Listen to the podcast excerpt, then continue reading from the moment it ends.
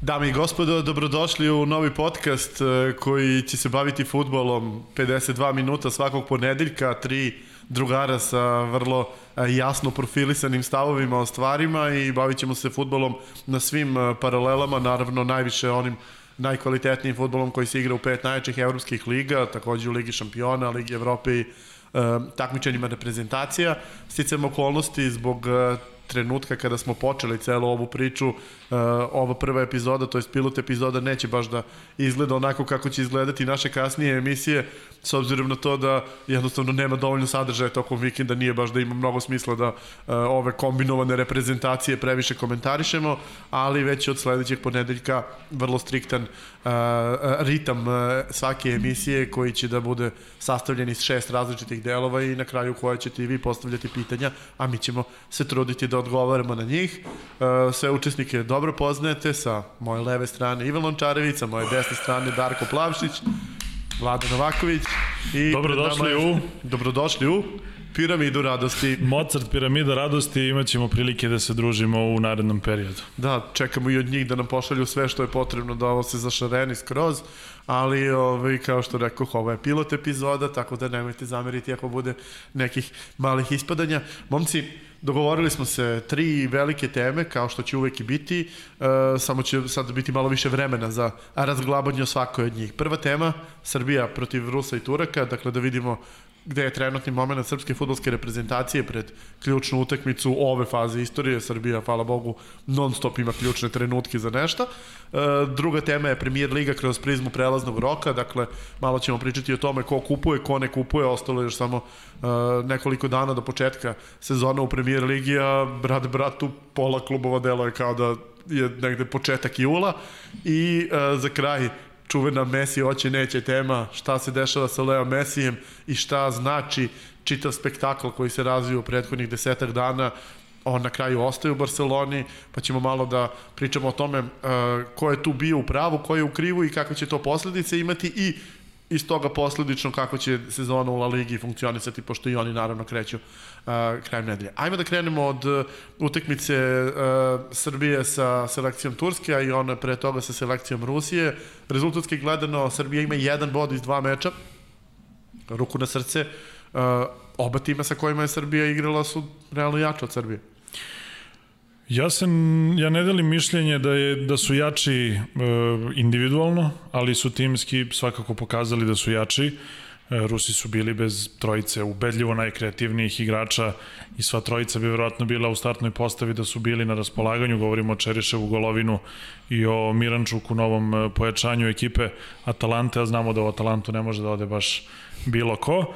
E, Rusi su demonstrirali da su mnogo organizovanija ekipa E, paradoksalno je što je Srbija bolje izgledala u, u Rusiji nego što je izgledala na, na utakmici u Beogradu, mada ono što smo videli u Beogradu može da da nagoveštaj onoga kako bi Srbija ipak mogla da ostvari dobre rezultate, a to je povratak na ono staro, možda malo povratak iz nehata, ali povratak na ono što je sa Muslinom donosilo rezultate. Srbija je tada imala mnogo i sreće, međutim izgleda da u ovoj ekipi najbolje funkcioniše taj sistem kada se malo više braniš, kada si malo više koncentrisan na svojoj polovini, a onda na protivničkoj polovini e, se uzdaš u magiju Dušana Tadića i u sposobnost za Aleksandra Mitrovića da iz svake situacije postigne gol i da se uzdaš u brzinu futbalera koje, koje posjeduješ poput Lazovića, poput Radonjića, poput Kostića koji Lazović i Kostić su čini se bili najkonstantniji u ove u ove dve utakmice. Lazović naravno dok se nije povredio u Beogradu.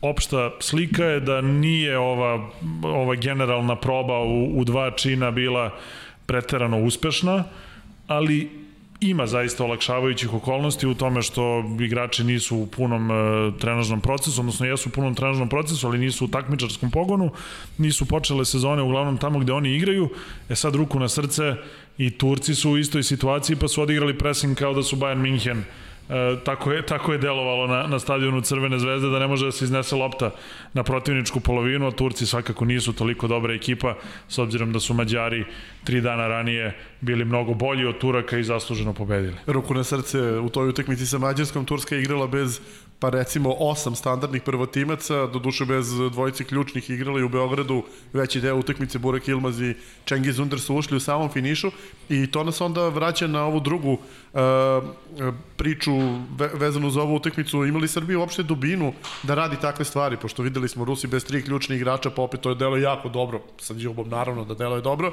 Uh, Turci sa, sa mnogo različitih igrača tokom uh, dve utakmice, pa to liči na nešto, a Srbija mora da igra uvek sa najjačima da bi to donalo ikakav rezultat. U ovom trenutku mnogo je teško reći šta je najjače. Mislim da sada jedino, ja sam, mislim sada možda je malo paradoksalno, ja sam zadovoljan. Mislim kako je to izgledalo, ovo je prapočetak, nije početak, ovo je ideja koja je dobila neke konture, prva utakmica, pa druga korigovana sa Kolarovim, mislim da je potez sa Kolarovim idejno bio sasvim okej, okay, da se ideja. Kolarov igrao futbal na nivou koji se očekuje od njega. Evo sad to je... Uh, i, I zaista neko iskusni, mirni, pametni kao centralni igrač odbrane je neophodan u toj situaciji. I videli smo šta je bilo kad je ušao Mitrović. I ono, I ono što nedostaje da bi to funkcionisalo, to je ono dva igrača koji nisu tu, koji su obojica neophodni Matić i, i Mil, Milivo, Milivojević i to je taj, taj, ta situacija da imaš, imaš vezu centralnog igrača odbrani, centralnog veznog bi funkcionisalo ovako, ja obožavam i Gudelja i Maksimovića, to, tu nema šta priče, to ne može da funkcioniše. Ne može da funkcioniše s njima dvojicom a, ako ne postoji taj neko ko će igrati i biti pametan za sve njih zajedno. Ali puno korisnih stvari se videlo a, idejno, idejno i povreda Lazovića poremetila dosta Jeste, jer je on bio jako, jako bitna opcija. Pa ne samo to, nego svi su se oslonili na njega, na njegov da. kvalitet u prvoj utakmici, svi su videli da može da probije i to je veliki kvalitet. Hoćemo da krenemo redom. Da. Krenemo od toga kako je Srbija postavljena. Dakle, Darko je to dotakao. Srbija je igrala sa tri igrača u odbrani, to je radila prethodno sa Muslinom i to sa ogromnim uspehom. I jednom sa Krstajić. I jednom je probao Krstajić tako nešto, ali u većini drugih utakmica on je potpuno razbio taj koncept. E, meni se čini da kada pogleda se e, sastav i tip igrača koji ima Srbija, to je apsolutno jedini način na koji može da igra. Ima Dušana Tadića koji je kao ključni igrač ekipe, neko kome treba veliki prostor, dakle naguravati mu igrače gore. Smetali su mu sa igrači u Moskvi. Tako je. To se baš videlo. Kao što su mu smetali u Rusiji za vreme svetskog prvenstva. Da isto. Ali činjenica da nije igrao takmičarski futbol skoro 7 meseci. Sve to stoji. Tako da... Pa, mislim, trenutak u kome se igra ovo je vrlo čudan, ali šta da se radi, tako je svima. Ono što je druga stvar, uh, postoji gomila tih jako brzih igrača koji imaju odgovornost u odbrani, i Lazović, Gaćinović, sa suprotne strane Radonjić i, i, i Kostić koji svi mogu da vuku kontre, svi mogu jedan na jedan da dobijaju protivnike, neki na talenat, neki na, na fizičke predispozicije. Radonjić možda nije vrhunski dribler, ali on je toliko brz da kad bi bio još i vrhunski dribler, košto bi 100 miliona. Uh, dakle, pričamo o gomili igrača kojima treba prostor, kojima treba Srbija koja je defanzivnija i naravno odbrani treba višestruka zaštita. E, ja sam uporedio ovo što igra Srbija sa onim što igra Arsenal u poslednje vreme. To je dobro poređenje. E, I s obzirom da, da je Arteta počeo i tekako da se uzda u tu poslednju liniju sa trojicom igrača, ti kada pogledaš koja su to trojica igrača, misliš da je čovek potpuno poludeo. S obzirom da su tu, e, znao je da igra sa, sa Tirnijem, sa, sa Davidom Luizom. Sa Mustafijem. I, sa Mustafijem ili sa Holdingom mm. u, u poslednje, u poslednje e, dve, tri utakmice. Međutim, e, ljudi gledaju Davida Luiza kroz njegove greške. Mm. David Luiz je u, u kreiranju napada e, najvažniji igrač Arsenala, od njega sve počinje. To je ono što je bila ideja sa Aleksandrom Kolarovim u, u ovoj situaciji. Absolutno. E sad, e, Kolarov jeste odigrao malo neodgovorno, mada... Nošalantno, mislim nošalantno, da, da, i kao da čak su se ljudi našalili, s obzirom da je stigao već mm. u Milano, da, da se da bude predstavljen u Interu, da je dobio drugi žuti da bi, da bi stigao na avion za, za Milano, ali nije stvar u tome. Ti drugi da. žuti su, su dosta standardno, odnosno žuti igrača Intera su nekako ono, da. uh, istorijska tradicija srpskog futbola. Ali, ali uh, recimo, ja kažem, da, David Luiz u Arsenalu ima ulogu kvotrbeka, bukvalno. On, on, mm. on pipne loptu u svakom napadu, svaki mm. napad krene krene od njega. E sad, e, Kolarov to isto može da radi. Kolarov što je stariji, sada je već poprilično iskusan, e, sve manje može da igra onog levog beka ili levog spoljnjeg, sve više je, je za poziciju štopera gde ga je Guardiola još pre e, pa i koliko 7, 8, 10 godina stavljao, stavljao na poziciju štopera gde se svi čudi, ali Kolarov nije štoper. Nije on, videli smo po intervenciji da, da nije prirodni štoper. Međutim, jako je važno da, može, da mogu da se započinju napad. Je sad, Turci su igrali tako dobar pressing presing, mislim, opet to je sve relativno, da nisu davali vremena Kolarovu niti, niti e, Milenkoviću, a posebno Pavloviću, da uopšte razmišljaju i da odigravaju precizne lopte. Kolarov je nekoliko puta poslao dijagonale na, na spoljne igrače, što onako funkcionisalo je donekle, ali je bilo i mnogo izgubljenih lopti, nekoliko puta je odložio loptu Pavloviću gde momak nije znao bukvalno šta će sa loptom e, i Srbija u prvom polovremenu stvarno izgledala vrlo, vrlo loše, baš zbog toga što je insistirala da kroz pas e, iznese loptu na, na protivničku polovinu. E, možda u ovoj koncepciji nije, što, kaže, što se kaže, nije sramota poslati dugu loptu na Mitrovića, u situaciji da, da, da se sada nešto previše eksperimentiše u oči Norveške, ok je postavka, ali možda treba malo naći neku sredinu između, između insistiranja da se po svaku cenu igra kroz pas, jer očigledno je, bar sa, ovim, sa ovom postavkom i sa ovim zadnjim veznim igračima, to ne ide. Od Kolarova se nije dobilo dovoljno na toj poziciji, na ovoj prvoj utakmici gde je probano. Ja sam iskreno mislio da će Maksimović i dalje biti centran, da će Kolarov biti levo. Ovo sa Kolarovim u sredini mi se još više sviđa, ali na kraju videli smo da, da nije dalo pravog rezultata. Vidi ovako, ja generalno mislim da je cela ideja sastavljanja ovakvog tima u stvari priprema za Norvešku. Zašto? Ko je gleda utakmicu Norveška-Austrija mogao je da vidi da je ključni igrač te utakmice bio Hinter Eger, dakle levi štoper koji iznosi loptu, koji ima uh, dovoljno tehničkog znanja da izdrži duel, a koji u pravom trenutku zna da pošalje pravi pas kada ga protivnici napadnu ukoliko prođe kroz prvu liniju odbrane ili da izabere dugu dijagonalu ka bekovima za početak akcije. E sad, uh, ono što se meni čini jeste da je forsiranje Pavlovića na toj poziciji, na poziciji levog štopera kao najlogičnijeg igrača koji bi povlačio napade, e, nešto što, što potpuno podsjeća na tu ideju. Ono što je problem sa Pavlovićem, Pavlović je igrač kojem je apsolutno najveći kvalitet iznošenja lopte. Međutim, e, koliko on loše dodaje loptu, najbolje se videlo u onoj situaciji koja se na kraju izrodila uh, u šansu za Filipa Đuričića, centar šut Gaćinovića s desne strane, gde Đuričić uh, jedan turski igrač blokira, možda čak i rukom.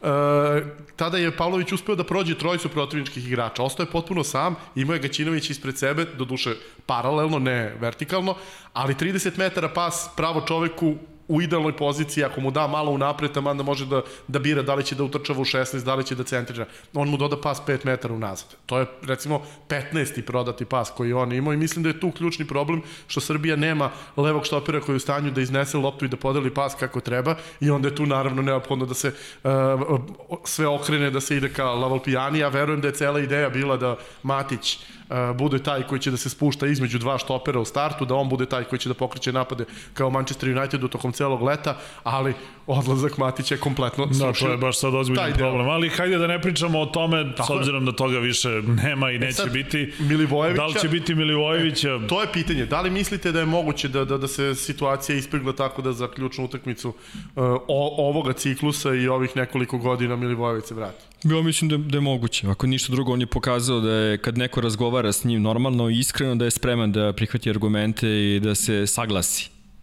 Tako da, mislim da da. Nisam ja siguran koliko, ja verujem da će Milivojević igrati, ali ne znam ja koliko on u ovoj postavci može baš da bude velika pomoć. On jeste naravno sjajan futbaler i čvrst i stabilan i onako zna se šta od njega može da se očekuje. Ali ne može da iznosi lopte na način da, on, on radi, nije, da. nije dovoljno brz. Naravno u tom smislu može da podeli može da podeli loptu naravno Vidjet ćemo, naravno, i te kako bi bilo bolje da, da on ili sa Gudeljem ili sa, ili sa Maksimovićem, moje lično mišljenje možda pre sa Maksimovićem, da igra u tandemu tih zadnjih veznih koji su naravno izrazito, izrazito važni i da, i da ova poslednja trojka ne bude na vetrometini, jer ajde, kad opet poredim sa Arsenalom, najveći problem Arsenala naravno jeste odbrana, ali možda još veći problem su zadnji vezni Absolutno. koji nisu dovoljan, naravno. koji nisu dovoljan zid uh, ispred odbrane. Tako da i u, i u srpskoj reprezentaciji je to slična priča. Srbija je u Rusiji držala loptu zato što Rusi na početku nisu igrali takav pressing, ali mislim da ako je norveški selektor, a gledao je sigurno i jednu i drugu utakmicu, da, ono, bukvalno ko je pogledao dve utakmice u životu, da može da shvati da je najveći problem Srbije, da ako im neko odigra dobar pressing. I to može da bude, naravno, jako veliki problem protiv, protiv selekcije Norveške. Sad to jeste jedna utakmica gde Srbija ipak ima najboljeg igrača na terenu, što je jako bitno. Mislim na obe Misliš to? na obe pa mislim mislim i ja očekujem da taj da taj najbolji igrač e, ovaj napravi razliku da okej okay. ali ali mislim da Tadić u tom smislu može da napravi veću razliku od od čuda od deteta Ja mislim da mi nećemo igrati napadački futbal ni u jednom slučaju, nićemo iznositi loptu, igraćemo a mislim bunker da ne bi, a 80 mislim da ne bi, minuta. A mislim da ne bi ni trebalo. E, to- to- iako, je, 80 iako je paradoksalno zato što je jači deo ovog srpskog tima Na, preko naravno, pola, da. je. Ali, ali isključivo u situacijama kada ima prostora. A Ali ne, ako a ne- staviš pet igrača u odbranu, napad. mislim, E sad da vas ja pitam jednu stvar. Kako zamišljate vi tu utakmicu u Oslu da funkcioniše, gde Norveška je u prijateljskoj utakmici sa Austrijom, odnosno u ovoj polu prijateljskoj, polu zvaničnoj, uh, igrala uh, u, u najmanje petini vremena sa napadačima negde na 30 metara od svog gola. Dakle, oni su igrali 4-4-2 sa, u, u situacijama gde su njihovi napadači na pola puta između svog 16-terca i, i, i, i kruga centralno. Pa neće se igrati napadački futbol, mogu da kažem direktno za Meni ovo, početak. meni ovo deluje kao jedna jako dosadna utakmica. E sad, e sad ru, ruku na srce, u toj reprezentaciji nije bilo Martina Edegora kao apsolutno ključnog kreativca u, u reprezentaciji Norveške, nije bilo Ho- Hovarda Hartveita kao igrača koji, mo, koji, koji, koji može da, da prenosi loptu takođe, nije bilo još nekoliko interesantnih igrača, oni su se malo igrali sistemom, uh, igrali više ćemo da pričamo o Norveškoj kad, kad bude došlo vreme. Generalno, najveći srpski uh, tu plus jeste velika prednost po bokovima, jer Norvežani uh, nemaju ni jednog ofanzivnog uh, igrača koji može da igra sa strane, a, a da mu je to jača uh, ovaj, strana. Uh, recimo Stefan Johansen iz, iz Fulama mm. igrao na, na poziciji levog krila na toj utakmici, što apsolutno Dobro, i oni isto sa, zamisliti. sa vezim igračima zaguše apsolutno ceo teren. Mislim da ono što je zanimljivo uh, u, ovoj situaciji bitno je zaista smanjiti broj grešaka, znači samo uništenja na minimum ako već mora jednom da se pogreši, ali ne dva, ne tri puta, ne crveni Znači, karton. nema padanja po bez terenu. smisla, nema, nema Da bi- stvari koje su neobjašnjive, to ne sme da se dešava. Te greške apsolutno. su stvarno bile sulude. Maksimović se dva puta okliznuo sa loptom u posedu kao zadnji igrač. E, Kolarov je prvi žuti dobio tako što je bez ikakvog razloga u 48. minutu prvog polovremena šutnuo Mada jeste pokušao, uh, ja sam posle pogledao tu situaciju, uh, nije, nije baš iz obesti to uradio, uh, bio je faul na nekih 45 metara i mogli su Turci brzo da izvedu. Uh, on je šutnuo loptu da oni to ne bi uradili, ali sad podrazumeva se manje više će dobiti žuti karton, zato posebno od onog užasnog beloruskog sudije je bio koji je uništavao utakmicu sve vreme, Ali... E, e, tako izgleda beloruski futbol ako ga propušta. da, o, Mi smo imali, imali smo situaciju da je na finalu Moldavskog kupa Partizanu protivnik u Ligi Evrope, inače igrao to finale, sudio beloruski sudija, lik je sudio 50 i nešto faulova, ono je bilo... Ja sam gledao gleda. utakmicu beloruskog prvenstva sa 4-5 dosuđenih penala, ali sad nema veze, to je sad neka, Ja sam velikog Gorodeja, ajmo dalje, ajmo, ajmo neka, da neka, druga, neka druga priča, ovaj, ali bilo je jasno da će dobiti žuti karton za to. E, jeste bilo logično da on zatvori, e, Pavlović je previsoko otišao. O, ono je bilo strašno kod drugog žutog Pav- kartona, to nije... nije Pavlović je previsoko otišao, Kolarova, ali nije morao Kolarov baš toliko da zatvara. I mislim da je moglo da se zakrpi to i bez te vrste starta, ali možda... Posebno što je ono bio bek. Da. Ko, ko zna kako bi on Mislim, rešio dobro, tu on je tu, da. on je tu kasnio, ok, ajde sada da ne E sad, pričamo o tome. uh, recite mi jednu stvar, kako vama generalno deluje Tumbaković? Ja ću prvo da vam kažem šta je moj utisak. Ja sam zaista veoma prijatno iznenađen. Pričamo o čoveku koji uh, na nekom top nivou nikada nije ni trenirao, ali ono najbolje da je trenirao do sada se završilo početkom veka.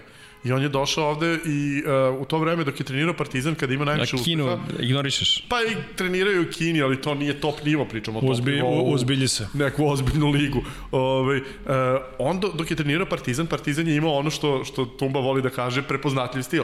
Dakle non stop insistirao na tome, mi smo interno to zvali 4-4-2 prepoznatljivo.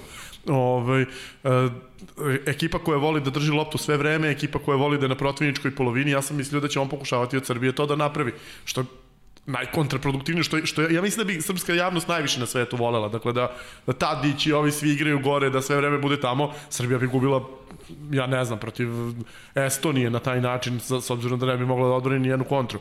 Uh, jako mi se dopada kako je uspeo pragmatično da priđe ovoj situaciji, jako mi se dopada kako je uh, kompletan koncept igre, dakle od, od najosnovnije formacije do, do ideja osnovnih, podredio onome što ima od igračkog kadra i s te strane zaista samo, samo lepe stvari mogu da kažem. Ja se slažem, apsolutno. Uh, jedini mali problem, koji će biti veliki problem, uh, sve to će imati smisla ako se pobedi Norveška, uh, što je jedina stvar koja Ako se, se ne očekuje pobedi, od njega. džabe- džabe sve cela priča. te ideje koje su bile dobre i dobro postavljene i, i razrada toga je bila dobra, sve će da ode tamo gdje do sve te ideje e, i igraćemo to što se od nas očekuje, da bude zabavno i da bude atraktivno i da bude A puno pritom golova. To nikada nije ni zabavno ni atraktivno. A, da, ali nada umire poslednja kao što znaš i svi očekuju to. E, na šta je tu, na, na šta je tu meni, meni problem?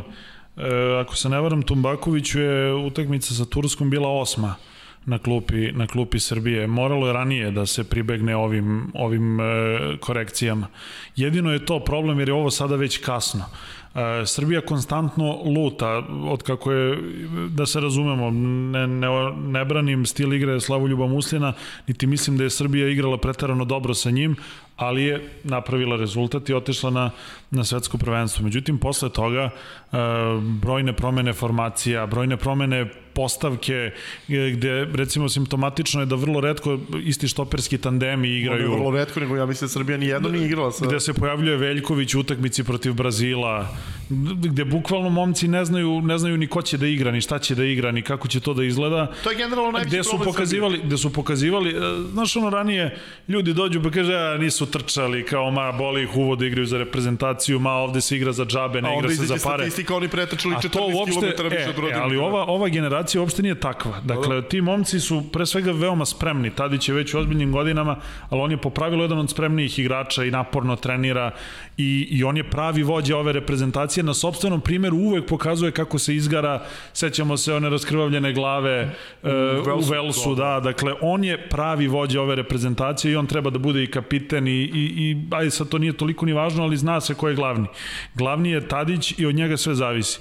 E, ova rep... svi, svi bočni igrači isto, mislim, oni ljudi mogu da pretrče. Tako je, dakle, ova reprezentacija nema taj ključni problem koji je nam ovde, evo ga, ovo je lenj, ovo neće se vrati, ovo neće trči.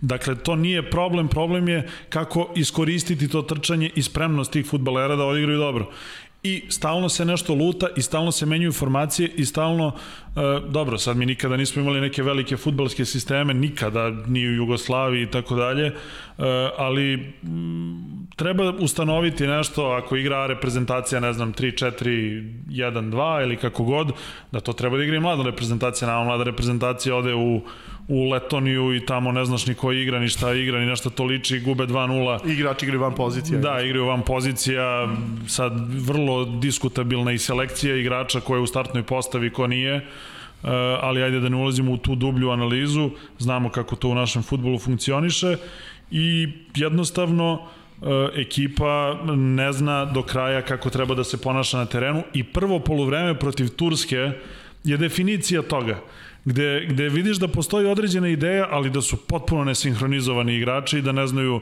da ne znaju kako treba da se ponašaju. Tumbaković to sada pokušava da donekle promeni, Uh, on verujem da ima autoritet kod igrača, da ima dobar odnos sa njima.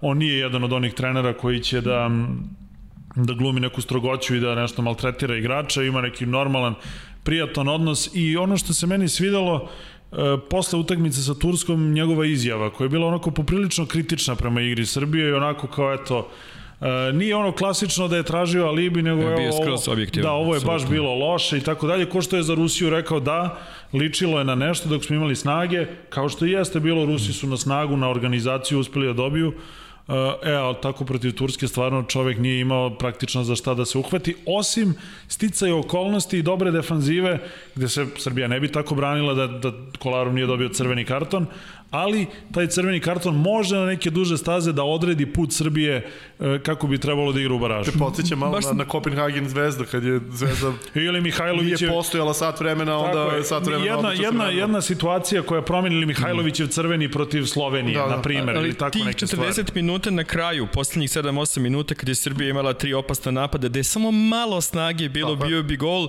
izvukli su iz sebe sve što su mogli, nisu mogli da hodaju posle toga. To je dobra stvar.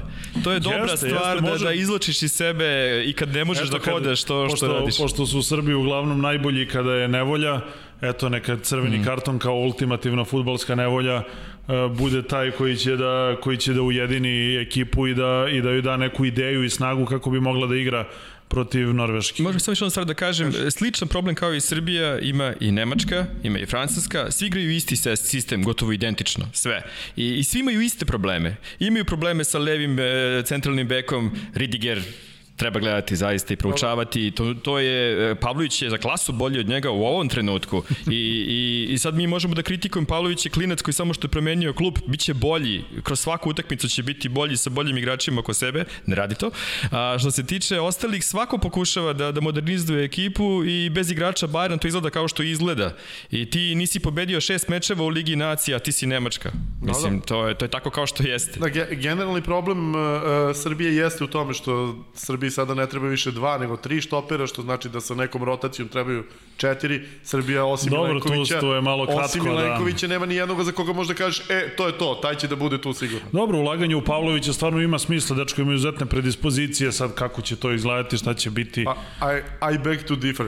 Ovi, mi, mislim da Dobro, što naravno. pre, što pre ići. Ćemo neke da stavimo. Hoćemo da krenemo mi na, na našu... A šta je dokaz da, ovaj, da je neko bio u pravu? Nemam pojma. Pa sledeći transfer, za, na za primjer. 10 godina. Uf. Dobro, Norveška je kad 8. oktobra, pričat Jeste. ćemo, Tako je, to, pričat ćemo ta o će tome. biti baš ovaj, priča o tome.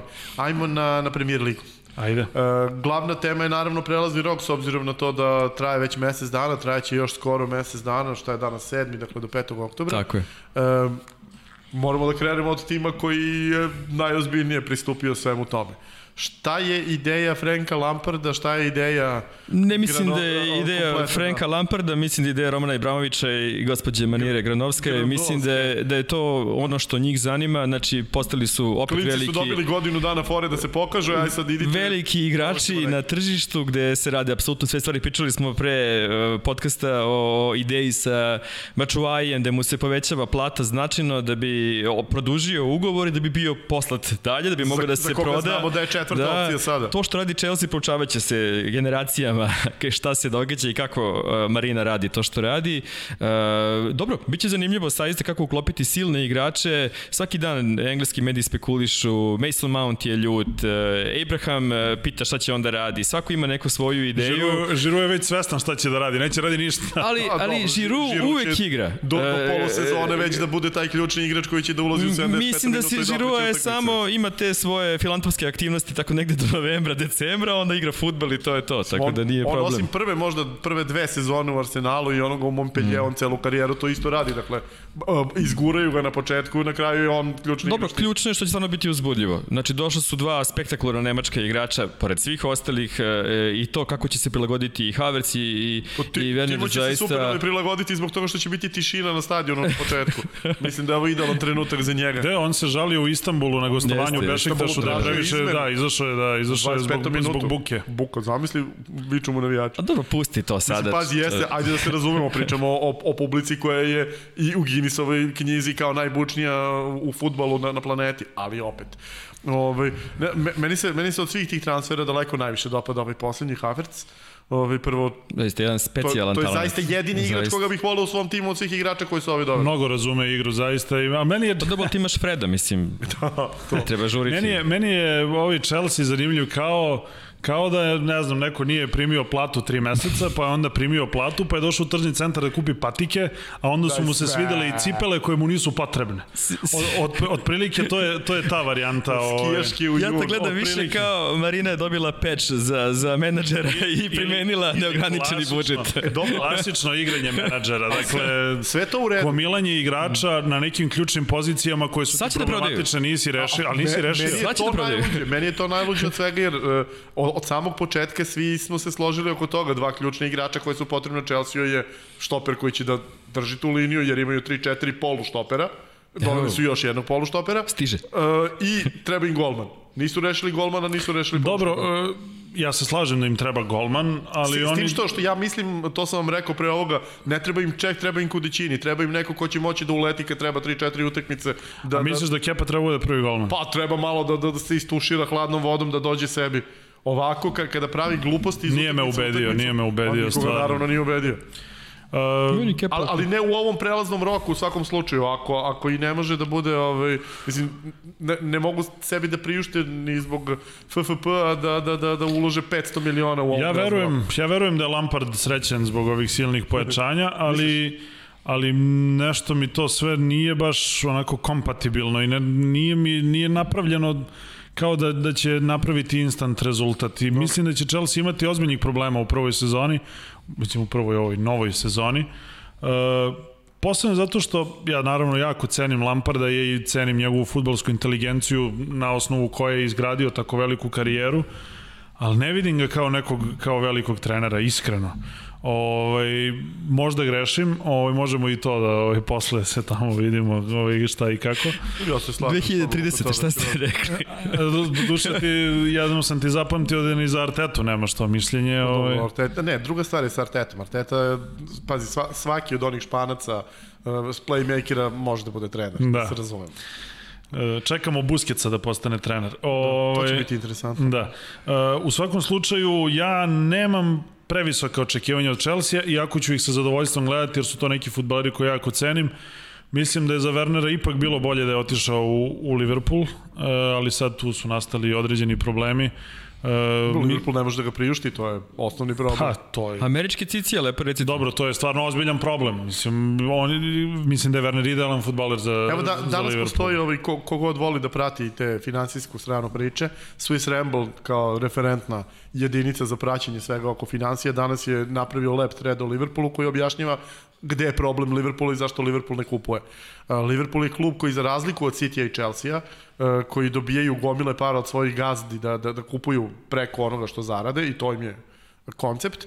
Liverpool kao i ostalih 18 klubova u ligi to ne radi, nego želi da zaradi pare koje će da potroši, a s obzirom na to da uh, već troše ogromne ove, pare na, na plate, Liverpoolove plate, sta, stalno se priča o tome kao City plaća mnogo, Liverpool plaća malo, uh, 310 prema 315 miliona funti su plate, jesu Cityjeve veće, ali za samo 5 miliona na toliku količinu, to je 1,5%.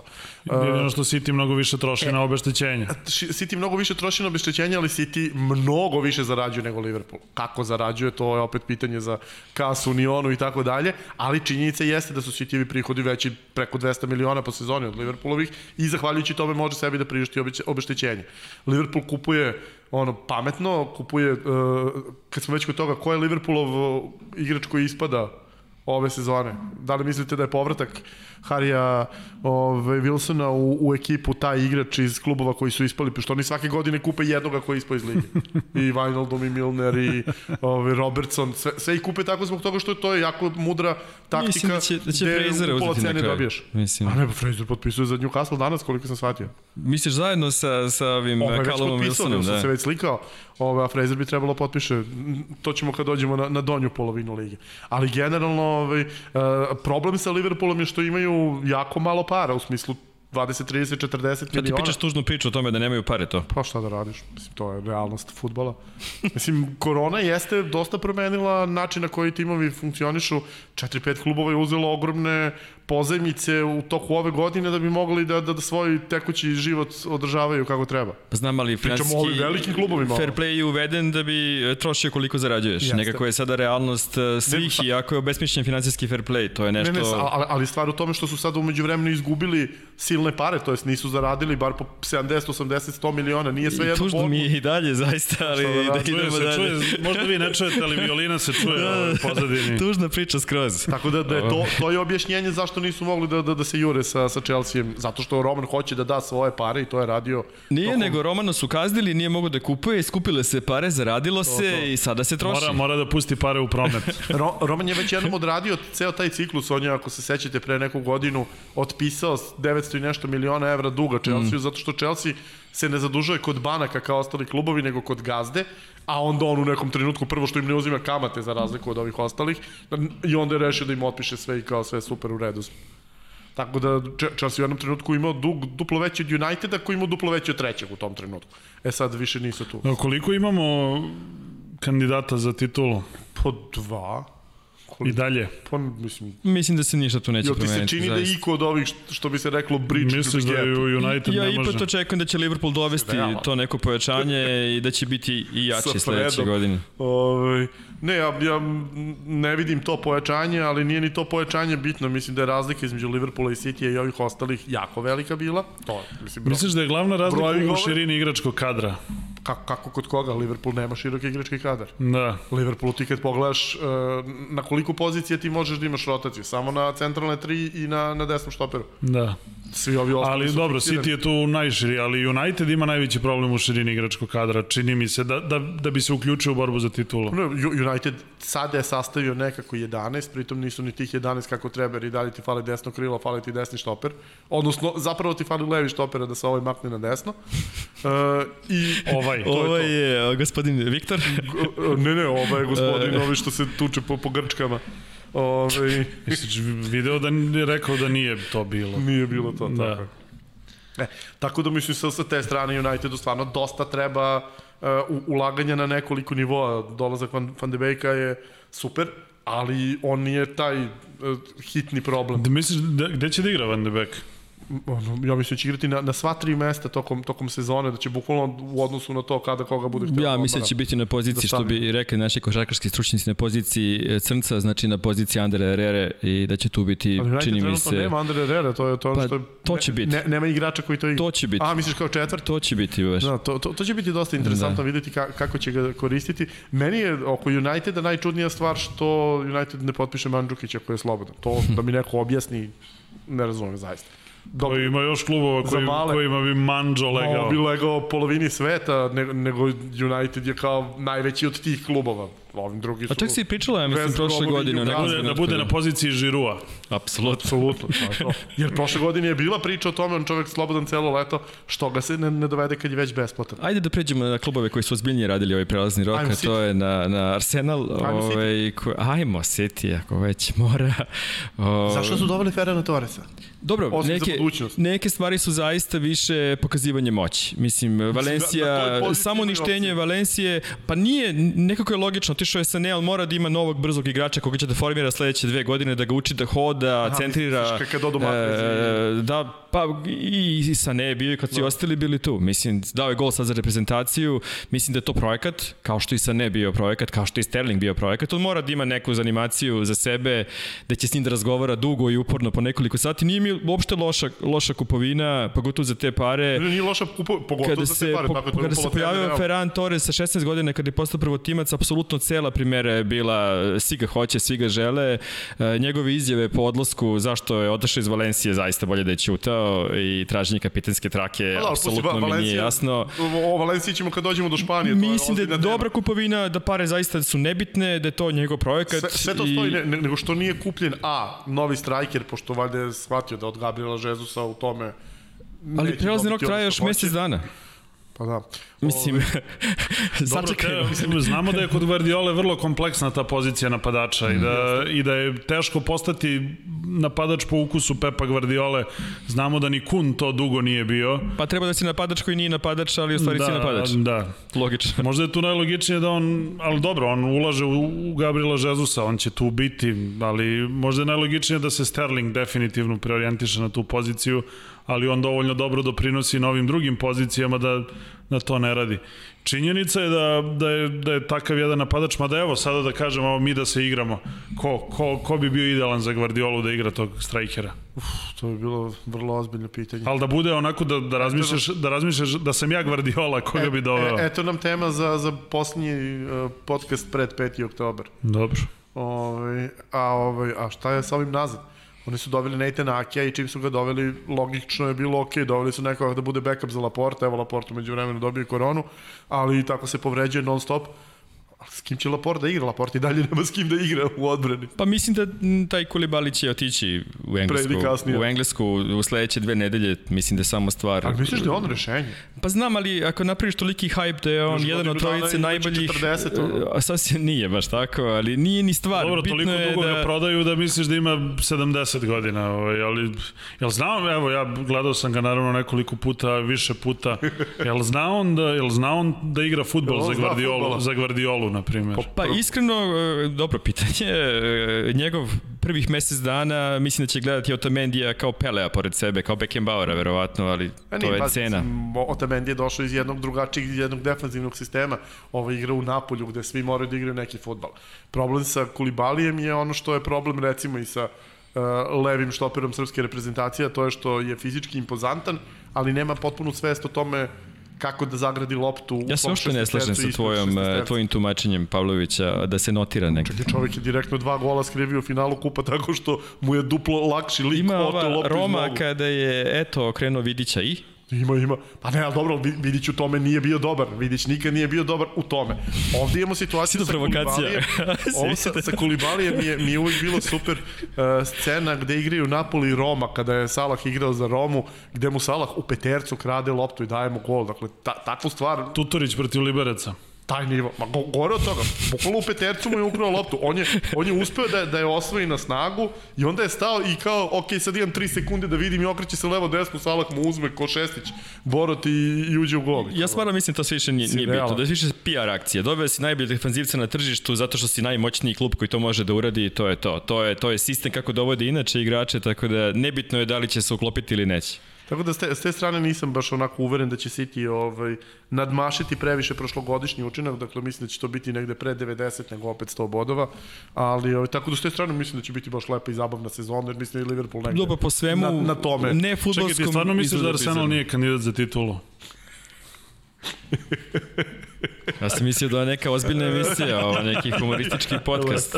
Arsenal je uradio... Žalim se, naravno. Ajde pričamo Arsenal. Pa ajde da pričamo o Arsenalu. Po, počni ti. Ajde. Za sada e, fantastične kupovine. Zaista uh, nedostaju još neke stvari svakako ali čini mi se da Thomas su Partey, da su tako to. pa dobro cela stvar da želiš uh, opet direktno crnca na poziciji crnca znači centralnog defanzivnog veznog koji će biti fizički dominantan i to želiš već 15 godina od Patrika, 20 od Patrika Vjere i razne probleme si imao da ostvariš to i stalno se nešto loše dešavalo i ovo je najbliže tome da ostvariš tu svoju želju i mislim da će učiniti apsolutno sve da tu želju ostvari makar žrtvovo i Toreiru koji ima, čini mi se, sličan problem kao što Kante ima u, da, da, u Chelsea-u. Da, da, pitam, ovaj, uh, Torire je došao kao neko koji je uh, iz italijanskog futbala, iz urugvajske reprezentacije, dakle iz vrlo jasnih defanzivnih mm. sistema.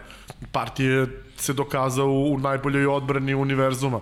Ali šta će da se desi u trenutku kad se pojavi u ekipi Arsenala gde oko njega je onako što bi se reklo, dosta, se, dosta propuha. Me, me, mekano, dosta mekano. Se, dosta se menja ta fizionomija. Roma Mislim da baš primer, osim što si maliciozan, taj primer uh, Džake i njegovog uh, prilagođavanja novim uslovima u boljem sistemu Džaka, Džaka ne upada Fred, samo jedna reč Fred, uh, prilagođava sistemu i dalje, tako da čini mi se sa partijem i sa Sebaljosom da će to izgledati za klasu bolje. Mislim, na svaki način posebno defanzivno, naravno. Ove, ovaj, ja bih to volao, meni je dosta smorno da gledam Arsenal na desetom mestu, volao bi da budu tu 5 Ali opet mislim da, da je osnova, ako poredimo sa, sa, sa Srbijom, jo, Ma, majko, mučki provokator. Ne, ne, ne, ne možete samo nas da dobijete u top 6, o tome se radi. Normalno. Ali to je tako lepo. Znaš, zna, znaš dole pobeđuju samo ove na vrhu, mora, morate da se približite vrhu da bismo Ne moramo da ništa, moja želja je bila samo da pobedimo za novu godinu United, da ostanemo u ligi i dugačak pre-season i to se i desilo, tako da nema veze. Da nastavimo ozbiljni ovaj, razgovor. E, ostava je napravljena, znači ostao je Luiz kao taj inteligentni u odbrani koji distribuira lopte, pošto takav futbol igra Arsenal, e, dvojica novih defanzivnih igrača, jedan baš ekstremno mlad i, i, i neko ko još raste, neko ko će se povređivati svake dve nedelje, ali koji je neverovatan talent. Mislim da će Saliba da igra? Apsolutno. Mislim ne još, ne još, ali za jedno mesec dana igraće redovno. Pa, pa, I Brazilac igrao i ove sezone, a i one pre toga u Francuskoj. I Braz... ali stalno se povređuje. Mislim da neko ima 3 cm porasto prošle godine. On njegovo telo to je pakao dok se ne zaustavi taj rast. Ima Brazilca koji će igrati odma, apsolutno, i, i ta brazilska veza čini mi se da će Arsenal biti sve više i više brazilski u sledećim Ali godinama. Mora, mora zadnji vezni da se reši obavezno. Sve to pod uslovom da se dovede taj, taj crnac na poziciji crnca koji je neophodan da bi ovo funkcionisalo, ali to povezuje i odbranu i napad i daje drugačiji izgled ekipi. Znači, plašiš i nekog drugog, ne samo United u utakmicama koje su bitne i nadaš se da ćeš moći da pobediš vidiš u nekom bitnom meču. Mada Arsenal meni se čini da, da mu bolje idu bitni mečevi sada nego mali mečevi, s obzirom da Arsenal igra Ali ovo je skoro, pa na kontra napade. Posebna situacija, zaista ovo što se desilo u poslednjih nekoliko slučajeva sa Arsenalom, onda izgubiš prijateljsko od Aston Ville, da, zato kažem, pobediš Arsenal, jedva, Arsenal ne znam, bi potencijalno QPR. mogao da ima problema u građenju igre i u, i u kreiranju šansi, ono što je, u čemu Arsenal bio apsolutno Jest. najbolji i igrao ne, najlepši futbal Ali... na svetu u jednom trenutku. Mislim da se to sada malo menja i da Arsenal igra taj više reaktivni futbal, da malo da se malo prilagođavaju protivniku i da onda, ne znam, gurneš loptu Obama Jangu u prostor i on. Sećaš se i odradi- nekoliko odradi meseci Emerija i početak Artete, ono, jedan šut na gol u toku meča, Da. jedan šut na gol. Ili ni jedan, znači United nivo, ni jedan šut na gol u toku meča, to je zaista nešto što je deprimirajuće. Ja, ja, ja generalno mislim da, da uh, Arsenal je u gorem stanju trenutno nego što bilo kome izgleda samo zbog toga što ima realno drugog igrača lige u, u timu. Meni je samo Kevin De Bruyne bolji futbaler u premier ligi od, od Obamenga. Obameng je čovjek koji je, ja mislim, sam 70%. Dobro, mi Ne- sve ove nema- procene nema pravimo na tima- bazi toga da će ostati u Arsenalu, Tako tako, da, Dobro, ako ne, nema- onda 13. mesto, zaista Dobro, bez Arsenal u problema. tom smislu ima sreće Nema kluba kojem je jedan igrač toliko što je znači u on Engleskoj. dovoljno star da, Da. da. da neće niko da nenormalne pare i što je korona i što nema mnogo novca baš na tržištu sad neko dođe ali da to je, 150 miliona za ali to je Arsenal i 35 će biti dovoljno da ode ako želi da ode. Mislim, Ali meni deluje da zato da se Arteta najviše zbog njega radovao mm. i FA kupu Slažem se. i Community Shieldu jer je onako nje posebno topli zagrljaji su bili mm. um, upućeni Aubameyangu. Ne, on je, on, on, on je Ovaj- prvo to, znači čovjek koji ima big occasion 21 od 20 i to je imao i u Nemačkoj. Drugo, on je u Dortmundu napravio gomilu igrača. On je od Mehitarijana napravio futbalera, što je, jeli, Što su mnogi posle što su upropastili. njegove engleske, engleske ove epizode pokazale. Meni to bilo smešno, on je stigao, Mkhitaryan je stigao u Englesku kao MVP Bundeslige, a Aubameyang bio za pet klasa mm. bolji igrač od njega ovaj, u te, te godine u, u Bundesligi. Tako da, da s te strane, Da čini, po- po- čini mi se da, da, da oba u velikoj meri pokriva tolike rupe i Jest. mislim pred Artetom je ogroman posao u smislu da ja mislim da ovaj Arsenal neće moći za titulu sledeće 3-4 sezone da se bori. opet, ali polako. e, još tri prelazna roka, e, zaista... Ali ruku na srce nisu se borili ni prethodnih 10 godina, tako da ono, Ušli smo u 44. minut. super. Imamo još 8. Kraj prvog časa. Hoćemo dve rečenice ovim ostalima, Spursi ništa još nisu kupili što im treba, jel tako, tako? Pa dobro, kupili su li zaista e, onako snalaženje i dalje je to, ok, taj stadion je stvarno, Arsenal je pokazao jedna omča oko vrata, pogotovo tada je bila ekonomska kriza, sada je kriza svega. Sada je kriza. da, tako da u ovoj situaciji Aj, aj, biće... gledamo seriju pa možemo da ispratimo. Ovaj. Apsolutno, Pa koliko je tebi realno da, da, da Tottenham promeni vlasnika? Ma ne, ma kako. Ne, ne realno. Mislim, otko znam, ali ne u ovom trenutku sigurno, možda za, za dve, tri godine kada se... Mislim, dosta je čudna situacija da ne možeš baš ništa da kupiš, onako, baš si Vrlo, uh, vrlo- u bizarnoj vrlo, e, vrlo, vrlo slučaju. neprijatna situacija. Ok, prešli smo ove gore, Everton spucao je opet ogromne pare i doveo je kompletan vezni red. Pa mislim da je fantastično kupovao, samo to mogu da kažem. Sve to lepo, ali mislim njima i dalje fali osam igrača. Ne znam, meni je Everton igrao možda i najnezanimljiviji futbal u, Engleskoj prošle sezone, nadam se da će se to promeniti, nadam se da to nije efekat Karla Ancelotija, da je možda to sticaj okolnosti, ali mogli bi oni da uđu u neki dobar e, ritam rezultata, kontinuitet dobrih igara, vidjet ćemo. Ovaj, deluje mi da e, oni posjeduju dovoljno dobar igrački kadar da da Ancelotti to napravi kako treba je sad. Ajde recite mi ovako, dole na, na dnu, postoji priličan konsenzus da Fulham i West Brom ispadaju. Slažete li se? Opet mesec dana prelazni rok, mnogo je teško. U ovom, u ovom trenutku, ako bi sada bio kraj prelaznog roka, da. Ali e, treba očekivati razne egzibicije do kraja. Ne Newcastle pomaže je, Mitrovićevih 30 golova. Da. New, Newcastle je dodao ovaj, dva igrača, odnosno jednog i po danas. I dodavaće još. Fraser, ovaj, Da. da. doći. Oni meni deluju onako kao da su jako lepo kupovali, mada vidio sam da, sam da su mnogi skeptični oko toga. Meni je najveći znak pitanja od Palasa. Misliš da su i oni kalibar? Pa ja mislim da su oni u problemu već jako dugo. Oni su prošle sezone Igrali su skandalozno Ne, o- posle korone, o- stvarno. Ma, ali ne, pre, ne samo posle, oni su pre korone uzimali gomilu bodova u utakmicama gde oni imaju 0.14 expected goalsa naspram 2 i dobiju 1-0 nekako. Oni su ekipa ko, koja je nadmašivala svoje rezultate, svo- svoj realni učinak na terenu rezultatima dramatično i kao takvi su, su bili koliko, 6-7 bodova iznad crte. Meni deluje drugo roj Potencijalno, nema načina da, da, da se... mogli bi da ponove onaj start sezone kada su imali koliko, ono, 8-9 poraza za redom, možda ne baš tako, ali ono što čime su završili prethodnu sezonu, ok, nije im trebalo, ali mm, loši ambijent, nekako, sve nekako kod njih je takođe jako bitno da, da imaju dobar domaći teren, Tako da su navijači tu, nema ni toga sada.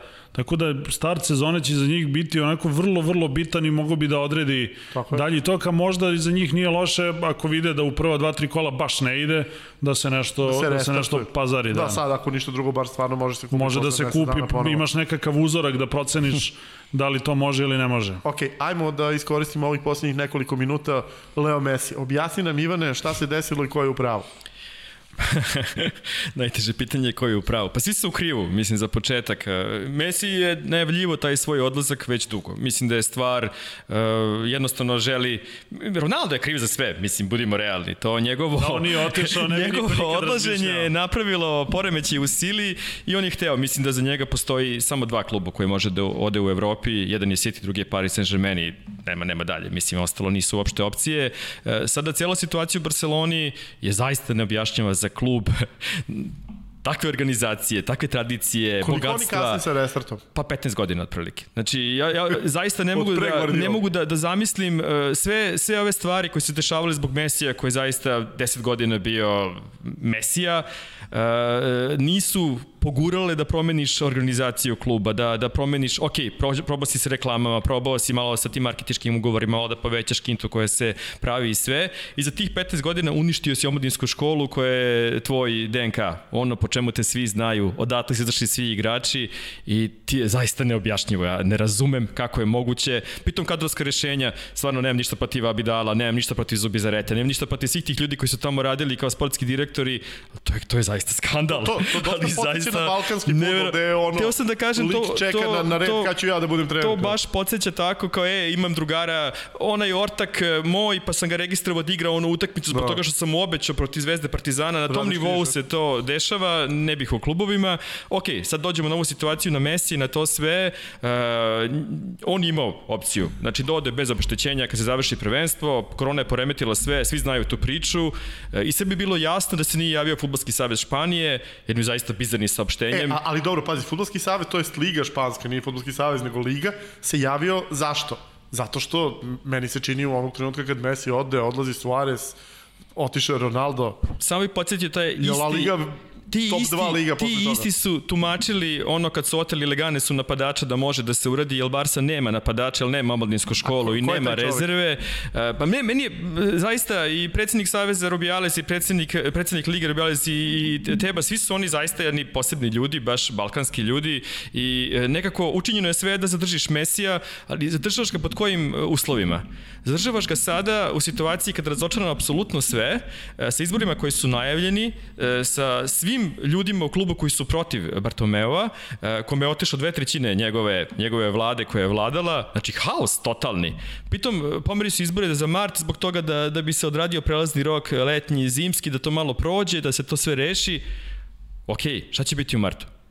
Biće sedmi, a to je ideja. A, a šta, šta je, kakav je sad položaj Kumana? Znači, Kuman je došao i rekao koga neće, e, čim je Messi ostao, odjednom je krenula priča, onda oni neće prodaju ni ovoga ni onoga ono, ili Kuman onda ono ostavlja na vetrometini odmah. Pa dobro, stvarno u ovoj situaciji... Meni da je Kuman tu na godinu dana dok, dok se ne dođe do promene vlasti i da će onda Čavi doći. Meni treba to kao da je za, za, na tri nedelje, a ne na godinu Ali Čavi, e, sve je samo ne glup čovek. Čavi neće doći da bude žrtva i da bude nečija zastava. Čavi će doći sa novom upravom, novim predsednikom. Pa ne, ne, to sam mislio, sa, ne, ne, ne, to sam mislio, kada dođe do promene promenama. vlasti, kada dođe do promene vlasti. Ali Bartomeu je neuništiv. Uh, uh, Bartomeu je... Hoćemo da vidimo.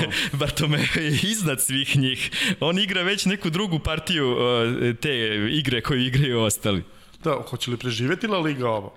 Dobro pitanje. Mislim da je ovo ključno... U smislu da bude jedna od dve velike. Gledaš samo afere, smena selektora, dan pre početak mundijala. A šta se sa Valencijom Nema dešava? prošle godine finala Kupa Kralja, jer se nisu dogovorili oko toga kad će da se igra, da li će biti TV prenosa, nije bio TV prenos. Znači, odlazak Centrafora Legane se su rekli može da se kupi.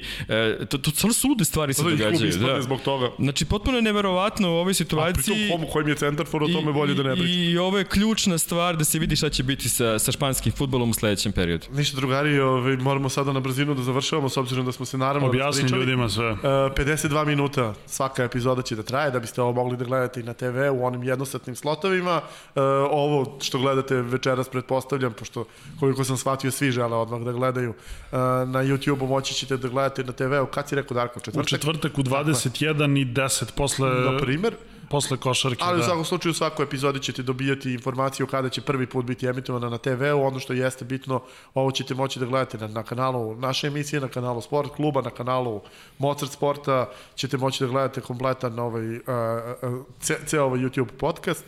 Tako da ovaj, pretpostavljam da ćemo se lepo družiti u vremenu koje, koje dolazi, a sledeće uh, nedelje jedna vrlo onako uh, prava prva epizoda u kojoj ćemo da se bavimo trima velikim temama, imaćemo dve male vinjete i poslednjih 10-15 minuta je za vaša pitanja. To bi bilo to Bila je to prva, prva epizoda uh, Mozart Piramida radosti podcasta. Vidimo se.